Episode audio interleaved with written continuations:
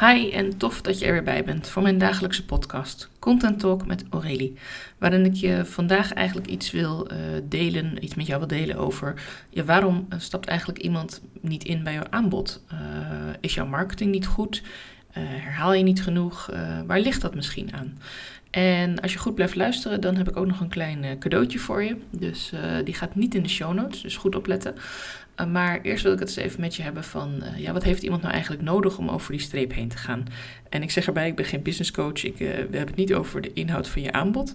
Ik heb het dan puur over wat deel je over je aanbod? En hoeveel van jezelf deel jij van je aanbod? En hoeveel van jezelf laat je ook zien?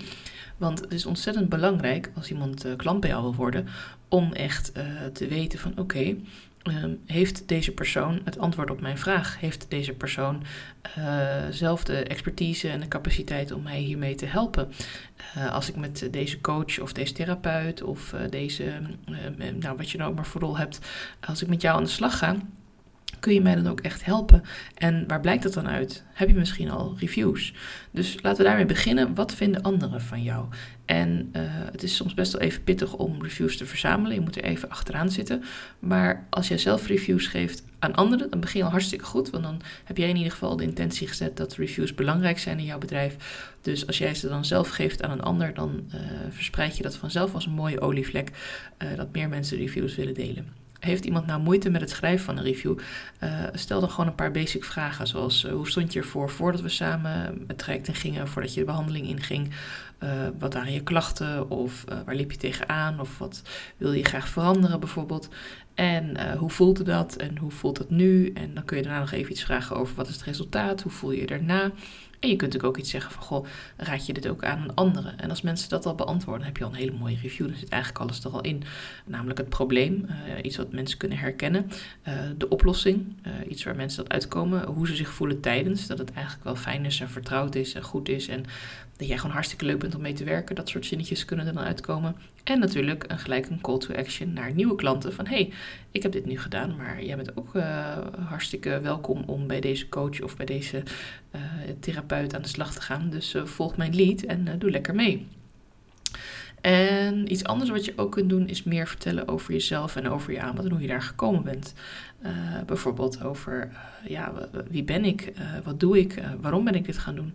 Heb je misschien een opleiding hiervoor gevolgd? Heb je misschien bepaalde dingen, trainingen gevolgd? Heb je misschien heel veel ervaring opgedaan? het kan ook zijn dat je hiervoor in loondienst hebt gewerkt, dus dat je nog niet je eigen bedrijf had, maar dat je wel al deze problemen vaker tegenkwam. Stel bijvoorbeeld dat jij coacht op uh, burn-out klachten of op werkuitval bij uh, organisaties. Ik heb toevallig uh, een klant en, en, ook een vraag deze week geholpen van mensen die zich richten op werkgevers. ja, het kan natuurlijk zo zijn dat je die mensen dan heel goed kunt helpen omdat je zelf als HR-manager of in een andere rol in een organisatie hebt gezeten waar je dat veel tegenkwam. En dat je daar eigenlijk van geleerd hebt. Misschien was je in-house psycholoog, noem maar iets. En die ervaring neem je natuurlijk wel mee. Want je bent niet alleen ondernemer met wat je sinds je start van je bedrijf, sinds de inschrijving bij de KVK meeneemt, maar ook wat je daarvoor hebt gedaan.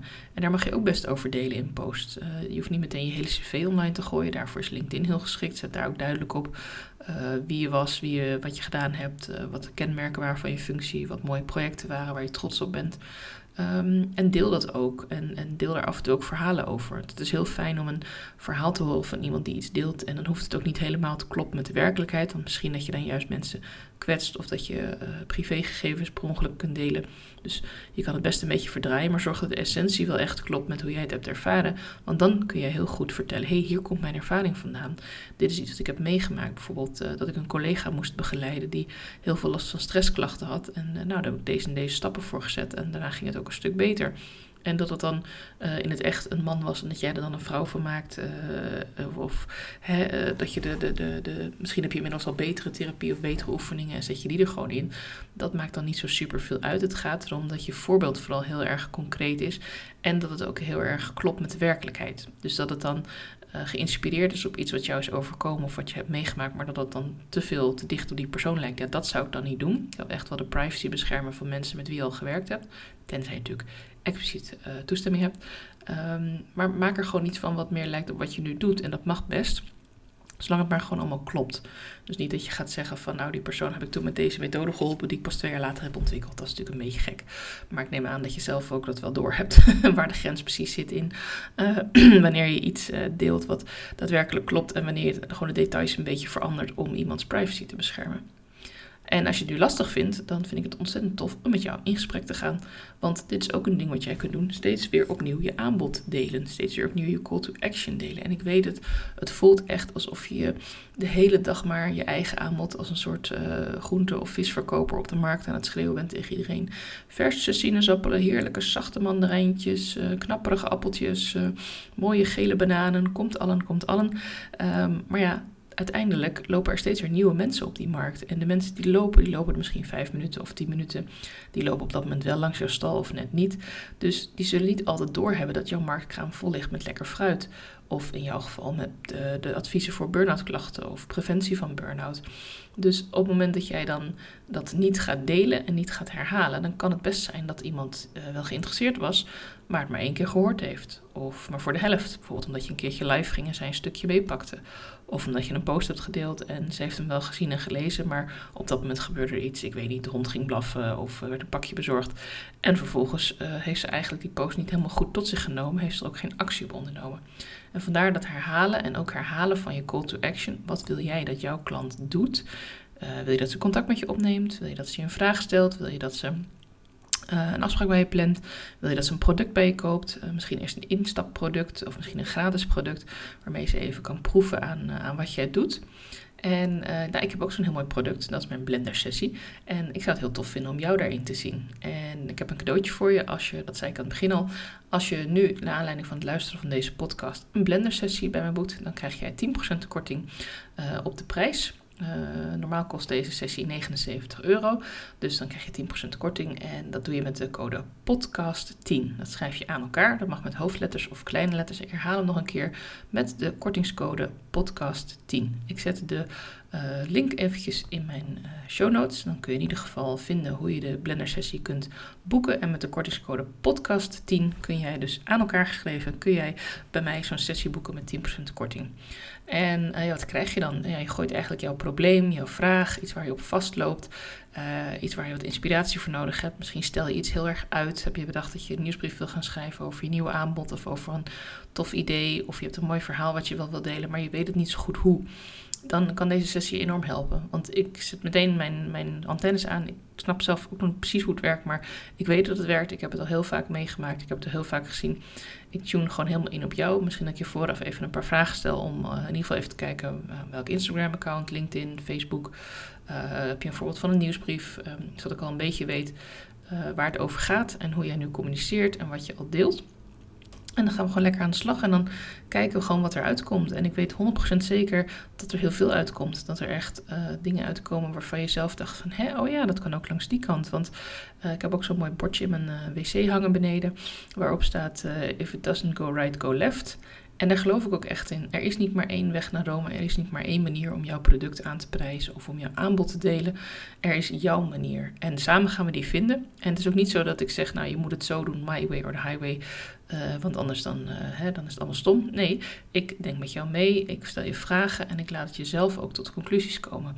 Want ik geloof dat het veel beter is dat jij zelf uh, een tof idee hebt wat vanuit jezelf komt en waar jij je lekker bij voelt. En dan daag ik je echt wel uit om dat misschien nog wat groter te maken of nog wat, hè, wat, wat meer aan toe te voegen. En we kunnen ook samen over de uitwerking praten van oké, nu heb je een idee hoe zetten we dat om in actie? Want je gaat niet naar huis zonder een actieplan. Dat kan niet. Je kan niet alleen maar een beetje in de lucht gooien van nou, ik heb een probleem, oké, okay, dat is de oplossing. Ja, maar dan weet ik echt nog niks. het probleem is, ik wil graag autorijden, maar ik heb geen rijwijs. Nou, dan ga je rijwijs halen. Ja, en dan, uh, stel dat je helemaal niet weet hoe dat werkt, dan ga ik je natuurlijk ook vertellen hoe dat werkt met het CBR en hoe dat werkt met uh, theorie-examen en praktijkexamen. Dat je veel moet oefenen en dat je daar goede rijscholen voor hebt.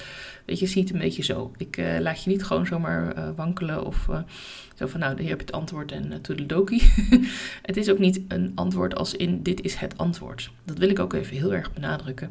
Wanneer ik met jou in gesprek ga, dan kan het best wel zijn dat je zegt, ja, maar dat is hartstikke leuk dat jij dat vindt, maar dat past helemaal niet bij mij. Dan ga ik je vragen, oké, waarom niet? Past het echt niet bij jou? Of heb je misschien zelf het idee dat dit niet voor jou kan werken? Heb je het al eens geprobeerd? Heb je het al eens onderzocht? Um, zijn er misschien andere dingen waarvan je zeker weet dat ze wel werken? Of is het juist de angst om iets nieuws te proberen? Of om een beetje uit je comfortzone te stappen en iets te proberen waarvan je denkt: oh jeetje, wie zit er nou op mij te wachten? Nou, daar heb ik altijd een heel makkelijk antwoord op. Jouw volgende klant zit op jou te wachten. En uh, die zij wil heel graag van jou horen. Dus we gaan hier niet uh, lopen pushen om ineens te gaan bungee jumpen als je net hebt geleerd om uh, een sprongetje van de grond te maken. Maar we gaan wel kijken van oké, uh, als je uiteindelijk wil gaan bungee jumpen, welke stappen moet je dan nu gaan zetten? Of kun je dan nu gaan zetten om uiteindelijk bij die bungee jump te komen? Nou, ik maak een heleboel voorbeelden, maar dan probeer ik het ook zo, juist zo duidelijk mogelijk te maken. En ik ben zelf een visueel denker, dus ik zie me allerlei plaatjes altijd voor me dan. Um, zo werk ik, ja. Dus als je daar meer van wil weten, ga even naar de link. Uh, ik heb een hele mooie website, ook uh, webpagina uh, aangemaakt waar je ook wat meer kunt lezen erover. Die zal ik er ook bij zetten. Maar je kan ook direct boeken dus. En als je deze podcast hebt geluisterd, de podcast 10 code kun je dan gewoon gebruiken. Kortingscode aan elkaar geschreven, mag met kapitalen, mag ook met kleine lettertjes, zolang je het maar aan elkaar plakt. Podcast 10. Dankjewel voor het luisteren en ik spreek je graag bij mijn volgende podcastaflevering.